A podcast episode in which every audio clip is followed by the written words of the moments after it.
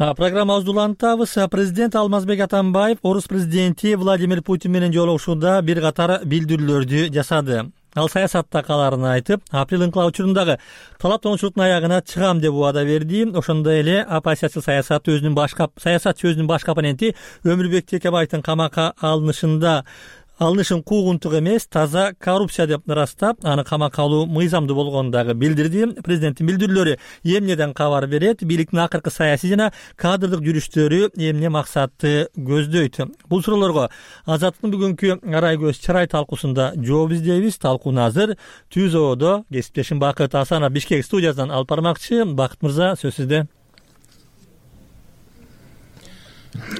рахмат улан кутман кечиңиздер менен радио угармандар. Алгач болуп биздин студиябызга келген конокторду тааныштыра кетейин. Бүгүнкү арай көз чарай талкуубузга улуттук коопсуздук боюнча мамлекеттик комитеттин мурдагы төрагасы саясатчы кеңешбек дүйшөбаев жана коомдук саясий ишмер жумакадыр акенеев катышат. Саламатсыздарбы? Анда эмесе талкуубузду баштайлы алгачкы суроону кеңешбек мырза мен сизге жолдойм мына бир күн мурун президент атамбаев орусиянын президенти владимир путин менен жолугушууда бир катар саясий билдирүүлөр жасады анын ичинде атамбаев ушул президенттиктен кеткенден кийин да саясаттан э, кетпей тургандыгын ачык айтты. Э, президенттин бул э, билдирүүсүн сиз кандай кабыл алдыңыз? Эмнеден кабар бериши мүмкүн? Рахмат. Биринчиден урматтуу радио угуучулар саламатсыздар. Кечээки билдирүүлөрдү мен көпчүлүк элибиздей эле түшүнбөй калдым деп койсом болот го. Анткени буга чейин алмаз атамбаев мен президенттиктен кеткенден кийин саясатка аралашпайм э, эл өзү тандап алсын. Мен болсо ыр жазам музыка жазам үй бүлөм менен алектенем деп эле айтып келген. Ошондуктан кечээки билдирүүсүн биз түшүнбөй калдык кандай болду деп. Анан бүгүнкү өзүңүздөр билесиздер сапар исаковду дайындабадыбы анан ошондон кийин мен жеке инсан катары ойдо калдым кезектеги болочок президентибиз ушу сапар исаков болот го атамбаев тиги саясатта кала турган болсо анда ал жаш балага аталык болуп берет го деген ойдо калдым. Эми ал бул менин жеке пикирим жумакадыр мырза сиз сиздин пикириңиз кандай? Мен мен жакшы эле түшүндүм. Эми биринчиден э, айтпадыбы кечээ күнү мен саясаттан кетпейм деп э, жанагы партиямды түптөйм. Жанагы эки миң жыйырманчы болчу шайлоого катышабыз деп мен ойлоп атам бул баягы азыр колдон келишинче э, мен ойлойм мына он тогузунчу ноябрда президенттик шайлоосу болот. Колдон келишинче баягы эми ал эмеси мураскер болобу же башкасы болобу ошо сдпк өзүнүн жанагындай чогулушун өткөзүп анан бир талапкерге токтоп эми ал сапар исаков болобу же башкасы болобу сдпк жанагы саясий э, эмелеринде бир отуз сегиздей адам мен мындай байкоо жүргүздүм. Ошонун ичинен бир жыйырмасы мен болом деген мындай амбициясы менен адамдар да. Анан арасынан кимди алып чыгат. Анан ошону э, президенттикке коюп анан жакында жана референдум аркылуу өткөндө мына премьер министрдин жанагындай укуктары абдан мындай бекиди экинчиден жанагы парламенттик э, бизде башкаруу деп атабыз да. Кийин ошо сдпк колдон келишинче көп добуш алууга аракет кылып эки миң жыйырманчы жылы. Андан тышкары мүмкүн атамбаев ошо же парламенттин башына келеби же э, премьер болобу баягы саясаттан кетпейм деген ошондой болушу мүмкүн да. Же болбосо жанагы иранда аяталы хаминидей баягы сдпкдан мисалы э, жогорку кеңештин төрагасы болсо же премьер министр ошонун ичинде президент болсо анан эми баягы мүмкүн баягы эми иранда башка шарт. Анан ошо сдпкнын башында туруп ошо саясат аркылуу менин оюмча ошо саясатка катышам деген ой болуш керек деген ойдун да.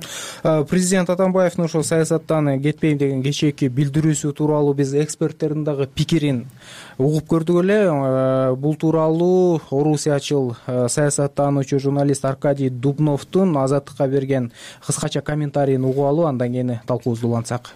Когда атамбаев на встрече с путиным между прочим алмазбек атамбаевдин путин менен жолугушууда президенттик шайлоодон кийин да саясатта калам деп ырасташы менин пикиримде төмөнкүнү билдирет.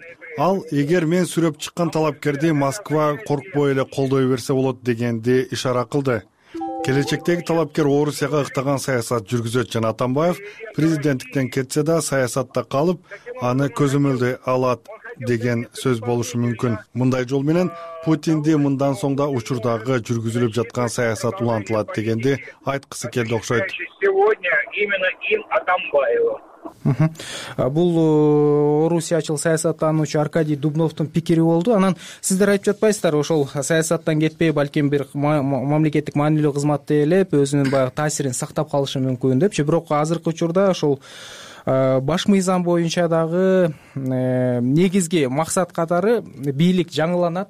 Саясий күчтөр ортосунда мындай тең салмактык калыбына келет деп э, айтып келеатпайбызбы президенттин мындай пикири өлкөдөгү кырдаалга кандай таасирин тийгизиши мүмкүн? Маселен э, бир топ саясий күчтөр президенттин кетем деген убадасына турат деп күтүп турат да. Кеңешбек мырза сиздин пикириңизде. Эми кечээ күнү президент айтпадыбы. Мен менин мурунку айткандарымды унуткула мурункулардын баары тамаша беле эле айтылган сөз беле. Мен мурун айткам эми калам деп атат. Бул калам дегени албетте терс жагынан таасир этет деп ойлойм. Эмне үчүн? Анткени бүгүнкү күндө биздин мамлекеттик бийликтин бутактарынын баардыгында сдпк партиясынын өкүлдөрү отурат. Бул бир жагынан айтканда партияны ушул партияны бийликти узурпация кылып алды десек да болот. Бул жөнүндө укук коргоочулар да юристтер дагы саясаттануучулар да баардыгы айтып атат. Президент дагы премьер министр дагы спикер да бир партиядан болсо алар дайындап аткан эң чоң кызматтагылар сот болобу прокуратура болобу күч органдары болобу финанс органдары болобу. Баардыгында сдпкнын өкүлдөрү отурса калган партиялар болсо эми анча мынча эле бийлик орундарын алып эле анан тигилерди карап отурса муну эмне деп түшүнсө болот? Ошондуктан бийликтен кетпейм дегени ушул партия мындан ары да бийлейт биз кандай айтсак ошондой болот деген пикири. Жумакадыр мырза сиздин пикириңизде кандай? Анан башка саясий күчтөр ушуга макул болуп береби же коомдук чыңалууну пайда кылбайбы? Мен мындай деп ойлойм да мисалы мына жаңы конституция кабыл алынбадыбы эки миң онунчу жылы? Бизде парламенттик бийлик деп ошо аталган да конституцияда негизи беш алты жыл эч кандай парламенттик бийлик болгон жок. Бизде күчтүү президенттик бийлик болуп атат да. Баягы конституция боюнча парламент деген менен президент үстөмдүк кылып атат иш жүзүндө. Президент баардык жагына киришип атты өкмөттүн жумушуна тышкы саясат бүт баардыгы президент аркылуу анан негизи азыр эми мындай алсыздык алсыздык мындай же көз карандуу президент келсе анда ошо жанагы парламенттик биз парламент мамлекет деп ошо парламентке жүктөп көп жоопкерчиликти анан өкмөт башчысына жүктөп ошону биринчи орунга алып чыгышы мүмкүн. Бул болсо баягы бул жерде атамбаев баягы мындай э, конституциялык президент эмес а негизи күчтүү президент катары президенттик мамлекетти эле алып жүрдү да. Ошон үчүн бул баш мыйзамга каршы келбейби баш мыйзамга каршы келбейби себеби баш мыйзамда кандай деши баш мыйзамга каршы келген жок ал шайланды президенттикке. Но негизи бизде жанагы э, парламент болгон жок. Бизде күчтүү президенттик бийлик болуп атат да мына алты жылдын ичинде? Вот эгерде парламенттик бийлик болсо анда парламентке өткөн партиялардын баардыгы бийликке катышышы керек. А бийликтин бутактарынын баардыгын бир партиянын өкүлдөрү басып алып ошолор үстөмдүк кылып атса бул каяктагы парламенттик бийлик. А мында кимдин күнөөсү болду? Балким айтып атат ошол саясий оппоненттерин куугунтуктоо жолу менен ушундай болуп атат бийликке каршы чыккандарды оозун жабуу аракети болуп атат бийлик тараптан. Же оппозициянын өзүнүн алсыздыгыбы мен ачыгын айтайын ушундай шарт түзүлүп калганына мына бүгүнкү күндө камакта жатып ызы чуу болуп аткан өмүрбек текебаевдин да салымы зор деп койсом болот. Анткени атамбаев менен чогуу бир команда болуп бир бийликке келип анан кийин биринчи шайлоодо да экинчи шайлоодо да парламентке өтүп анан кийин ушу президенттин бийлигин күчтөгөнгө бир топ мыйзамдарды кабыл алып берип керек кээ бир жерлеринде конституция боюнча да көп суроолор болсо дагы бүгүнкү күндөгү ушу сдпкнын партиясын ушундай үстөмдүк кылганына зор салым кошту да. Кийинчерээк бул күнөөнү сездим бирок ага каршы чыгам деген учурда э, куугунтуктун башталышы катары ошо эми тилекке каршы кеч түшүнүп калгандыгын эми түшүнүп атса керек да. Мен дагы кошумча айтат элем. Биринчиден мына парламенттин түзүлүшү. Баягы парламентти азыр жалаң эле партиялар түзүп атпайбы? Азыр көрүп атат. Мына тизмеде бир адамдар келгенде алмашылып башка адамдар мындайча айтканда парламент эми парламентте эмес баягы бир ак акчасы барлар кирип алып ошон олор болуп атат да. Ошон үчүн мен ойлойм ушу жанагы шайлоо жагын мурунку баягы пропорционалдык мажоритардык системаны пайдаланыш керекпиз да. Жарымысы баягы партия тизмеси болсо жарымысы жер жерлердеги мандат менен кирсе мүмкүн ошондо парламент күчтүүрөөк болуп анда ошо жанагындай бир парламенттик бийликке өтүүгө бир шарт түзүлөт да. Урматтуу угармандар биз бүгүн президент алмазбек атамбаевдин орус президенти владимир путин менен жолугушуудагы жасаган э, билдирүүлөр боюнча талкуу кылып жатабыз. Талкуубузга улуттук коопсуздук мамлекеттик комитетинин мурдагы төрагасы кеңешбек дүйшөбаев жана коомдук саясий ишмер жумакадыр акинеев катышууда талкууну мен бакыт асанов алып барып жатам. Президент атамбаев э, путин менен жолугушуудан кийин жасаган билдирүүлүндө ошо саясий э, кырдаалга баада берип өмүрбек текебаевдин камалышын мындай мыйзам чегинде болгондугун айтып өттү. Ошондой эле атамбаев өмүрбек текебаев эле эмес убактылуу өкмөттүн башка мүчөлөрүнүн дагы ошо апрель окуяларынан кийинки талаптооочулук жана башка мыйзамсыз иштери э, мындай далилденет дегендей да билдирүү жасады да. Биз азыр атамбаевдин кечээки айткан сөзүнөн үзүндү угуп алып анан талкуубузду улантсак. И горькая правда то что кто то мародерлорго аларды калкалагандарга сабак болуш керек. Адамдар өлүп жатса айрымдар акча жасап жаткан. Текебаевка каршы көрсөтмө берген орус жараны адегенде арыз берүүдөн коркконун. Себеби бул ишке атамбаев да аралашкан деп ойлогонун берген азыр текебаев эле эмес эки миң онунчу жылы бийликке келген бир катар ишмерлер укук коргоо органдарынын жетекчилери убактылуу өкмөттү башкаргандар бул жөнүндө кыйкырып жатат. Алардын да кыңыр иштери калкып чыгабы деп коркуп жатышат. Кеңешбек мырза мына сиз убактылуу өкмөттүн мүчөсү болгонсуз укмкны жетектегенсиз президенттин айтып жаткандыгы эмне жөнүндө болду? Сиз кандай кабыл алдыңыз?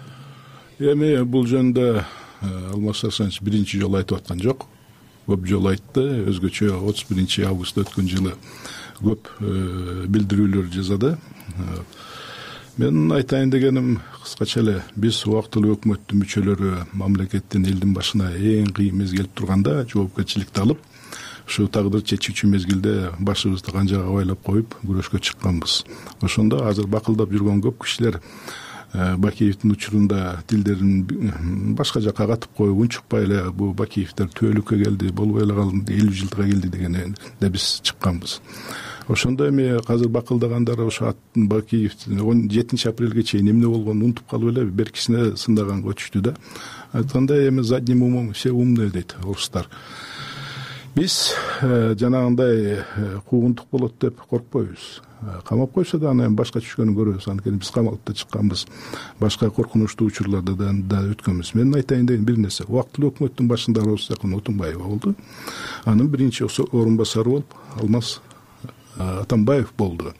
Биз ошол эки адамга ишенген үчүн мүчө болуп ошондой иштерди жасадык жасалган э, иштердин баарынын башында кол коюлган кагаздардын баарында биринчи болуп ошолордун чечими ошолордун колу турду. Биз ишенген үчүн ошол лидерлердин артында бардык.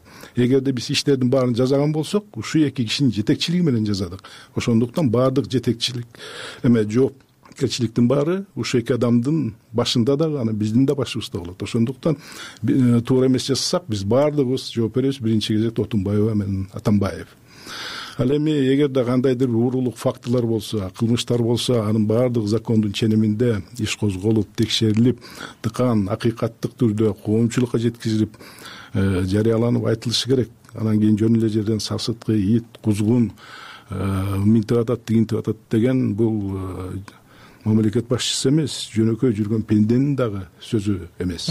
Жумакадыр мырза сиздин пикириңиз ошол бул эмне максатта айтылды? Анан мурдагы өнөктөштөрүнө карата бир. Мен э, мына жакында европага барып жанагы евроньюска берип аткан маалымат айтып кетпедиби? Мен өзүм менен жанагы эски саясатчыларды ала кетүүгө аракет кылам деп айтканда баарыбыз ойлонуп калдык бул эмнени эметип атат депчи. Кеп жанагы мындай да. Азыр кечээ күндө айткандан кийин мындай болушу мүмкүн эми. Туура айтат кеңешбек мырза. Абдан оор убактарда булар убактылуу өкмөт келди э, жанагындай кан төгүүнү токтотушту түштүк жакта. Эми азыр жанагындай көп көп сөздөр болуп кетти жанагы ячейка тигүү депчи. Эми ошонун арты менен ошондой болгон деп азыр мына биз азыр биз так бере албай жатабыз. Эмне себептен жанагы азыр калынып атат да. Ал мисалы акталып чыгышы да мүмкүн. Но негизи ошонун баардыгын чогултуп келип туруп мына азыр темир аргенбаев шариев мен президенттикке чыгам деп ал да өкмөт э, убактылуу өкмөт мүчөсү болгон да ошонун баардыгы козголуп келип баардыгын кошо бергенде бул чоң иш болуп он тогузунчу ноябрде э, болгон шайлоого ошо адамдар катышпай калышы да мүмкүн. Жанагындай общий чоң эме менен. А бул туура эмес. Бул себеби ошо мисалы бир топ бир топ адамдардын мүмкүн күнөөсү жок болсо да ошондой бир чогуу алып келип туруп күнөөсү бар тигиндей мындай деп жанаг коомчулукта ошондой эме жаратканда эми мындайча айтканда жанагы өтчү шайлоого өзүнүн жанагындай туура эмес таасирин бериши мүмкүн да. Ошон үчүн мен ойлойм бул маселе жанагындай болгондон кийин э, мурун эч кандай тозголду болгон эмес. Мына э, үч жыл төрт жыл беш жыл мурун деле бул сөздөр айтылып аткан ошондо муну изилдөөсө болмок эле да. А мына президент шайлоонун алдында болуп аткан бул эми чындап айтканда туура эмес болуп атат да. Кеңеш мырза мен бир ооз кошуп коеюн дедим эле мурун э, атамбаев айтып атпады беле мен саясаттан кетем анан кийин мен көп саясатчыларды өзүм менен ала кетем деп аткан. Анан биз сүйүнүп ойлоп аттык эле алмаз асанович бизди өзү менен кошо кой ташка алып барып ошол жерде чогуу жашайбыз го деп. Анан кийин кечээ күнү айтпадыбы мен саясатта калам деп атат. Анан өзү менен алып кетем десе значит биз баардыгыбыз саясатта калып чогуу болот экенбиз. Демек анан убактылуу өкмөттүн мүчөлөрүнө карата дарегине сындарды айтпадыбы? Маселен сиздер убактылуу өкмөттүн мурдагы мүчөлөрү ушул боюнча мындай кеңешүүлөрдү өткөрүп э, э, талкуулар болдубу биз көп учурда алмаз арсенович менен жолугуп көп курч маселелерди моундай бир э, чуулгандуу нерселердин баарын бир талкуулап сүйлөшүп акылдашып алып элди бекер эле ызы чууга сала бербейли көп ситуацияларды курчутпайлы деп аракетти абдан эле кылып атабыз. Бирок ал киши биз менен такыр сүйлөшкүсү келбей атат да. Ошондуктан биз ойлоп калдык отуз биринчи августтан кийин э, убактылуу өкмөттөлөрдүн мүчөлөрүнүн баардыгы атамбаевден башка капкара жалгыз эле алмаз арсенович шапакай болуп эле нарыкта жалгыз калгысы келип атат деп. Анан мына акыркы учурда коомдогу өлкөдөгү саясий кырдаал өзгөрдү өзгөрүп атат. Э, өмүрбек текебаевдин камалышы менен анын жактоочулары тарапкерлери нааразылык акцияларын өткөрүүдө. Мына ушундай шартта өлкөдөгү абалды кырдаалды жөнгө салуу үчүн эмнелер жасалуусу керек сиздин пикириңизде? Менин пикирим эми мындай. Мына баардык жерде бүгүн дагы парламентте айтылып атат закондун астында баары бирдей деп баардыгы жоопкерчиликти тартыш керек эгерде күнөөсү болсо деп. Ошол эле мезгилде практикалык жашоо турмуш көргөзүп атпайбы что закондун астында баары бирдей эмес мисалы мына мен э, өмүрбек чиркеш э, текебаевди э, мындай актагым келбейт.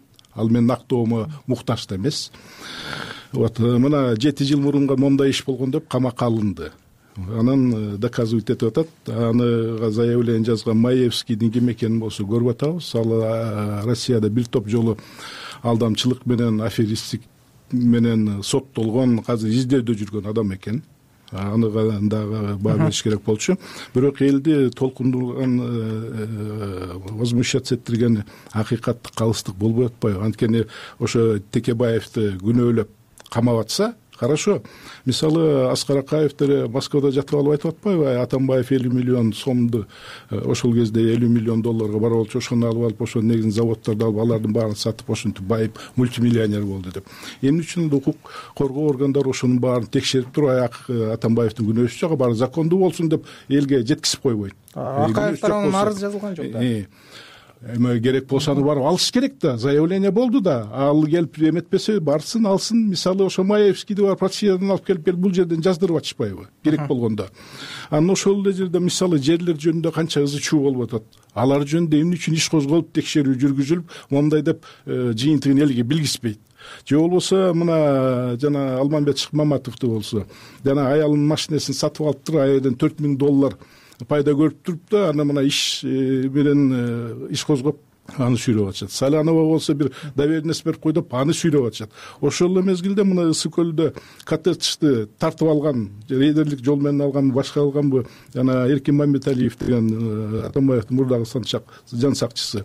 Аялына оформлять этип алып атат. Ал эмне үчүн ал факты боюнча иш козголуп эметилбейт? Ошондуктан бул жерде калыс эмес бир тараптуу иш жүргүзүлгөндө элге түшүнүп атат да ошол элди толкундандырып возмущаться эттирип атат. Эгерде тияктан да иш козголуп бияктан иш козголуп калыс иш жүргүзүлгөн болсо анда эл э, мындай толук чыкпайт эле. Түшүнүктүү. Жумакадыр мырза сиздин пикириңизде кандай? Маселен азыр саясий диалог керек деп атат. Эки тарап тең ошол саясий стол үстүнө отуруп а бийлик тараптан саясий диалог кылууга кадамдарга даярбы сиздин пикириңизде? Мен ойлойм саясий диалог деп мен экономист катары айткым келет да эч кандай бизге ушу саясий диалогтордон биз уже чарчадык да чындап айтканда мына алты жети жыл өттү. Мына экономика өнүгүү боюнча биз кмш мамлекеттеринин эң аягына мына бизди жанагы сегиз жыл жарандык согушка катышкан тажикстан бизден ашып кетип атат да мындайча айткандачы биз болсо көп жылдан бери айлыкты көтөрө элекпиз жана бюджеттен алып аткандарга пенсия көтөрүлбөй жатат. Жанагынтип э, сомубуз эми анча мынча туруктук болгону менен орто айлык орто пенсия ылдыйлады долларга айлантканда. Баалар ошон үчүн мен ойлойт элем ушул саясатты кичине мындай бир экинчи планга коюп туруп ушу экономикага көбүрөөк көңүл бурулса жакшы болот эле да.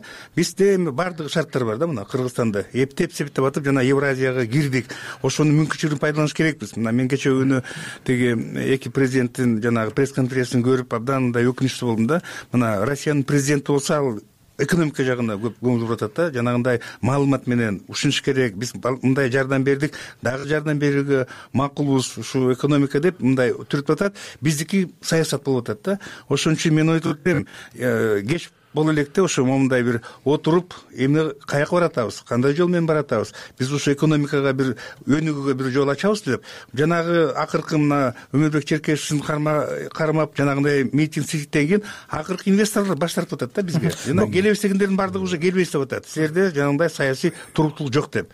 Сиз айткандай экономиканы өнүктүрүү үчүн саясий туруктуулук зарыл да ошо саясий туруктуулук жаатында ошо оппозиция дагы бийлик дагы мындай бири бирине кадам таштоого аракет болуп атабы бул жерден жумакадыр толугу менен колдоп кетем да. Биз коомубуз саясатташып кеттик. Экинин эки кишинин башы кошулса бишкекте болобу тээ тоолуу бир бурчта болобу адамдар жалаң саясат жөнүндө сүйлөшүп калды. Эгерде экономиканы социалдык сфераны биринчи койбосок биздин саясатташканыбыз жаман жакка гана алып барат да эгерде бизде экономикалык көз каранды болбосо башка эч бир көз каранды болбойт. Көрүнгөндүн артынан салпактап акча сурап кайыр сурагандай болуп эле жүрө беребиз. Биринчиден. Экинчиден могу түзүлүп аткан курч ситуациядан биринчи кезекте бийлик тыянак чыгарыш керек эмне үчүн? Анткени бүгүн баардык нерсени диктовать этип аткан бийлик. Бүт ресурстардын баары колунда. Медиа орг э, эме ресурс э, финансовый ресурс баардыгы ошолордун колунда. Ошолор кандай айтса ошондой болот. Оппозиция айткандай баардык жагынан чабал. Бирок ал убактылуу нерсе болуп калышы мүмкүн. Анткени биз тарыхты эстесек акаевдин учурунда акаевдин түбүнүнө жеткен эмне болду мисалы кулов камалды бекназаров камалды ошонун тегерегинде чуулгандуу иштер болуп акырында мына акаев качып кутулду. Андан кийин мына бакиев келди. Колуңарды сындырам автомат менен атам деди. Исмаил саковду камады бөлөкбаевди камады аргынбаевди камады жекшенкуловдорду камап соттоп эмне кылды аягы эмне болду мына качып кутулду э, жүз адамдын башын жутуп. Мына бүгүнкү күн дагы айласыздан айтасың ай дежавю болуп атабыз. Мына бүгүн текебаев камалды сарыгулов камалды салянова шыкмаматов турат анын артасында бир топ жигиттер жана бектур асанов кадыровдор жигиттер камакта отурат. Ошонун баары биз тырмоону үчүнчү жолу басып атканыбызды баяндап атпайбы. Ошондуктан бүгүнкү күндө оппозиция дагы бийлик дагы столго туруп сүйлөшүүгө келип ай өткөндүн баарын унутуп келгиле элдин келечегин ойлойлу мамлекетти талкалабайлыбы деп сүйлөшмөйүнчө эч неме чыкпайт түшүнүктүү. Э, биз бүгүн президент алмазбек атамбаевдин акыркы саясий билдирүүлөрү боюнча талкууладык. Э, талкуубузга улуттук коопсуздук мамлекеттик комитетинин мурдагы төрагасы кеңешбек дүйшөбаев жана коомдук саясий ишмер жумакадыр акенеев катышты. Талкууну мен бакыт асанов алып бардым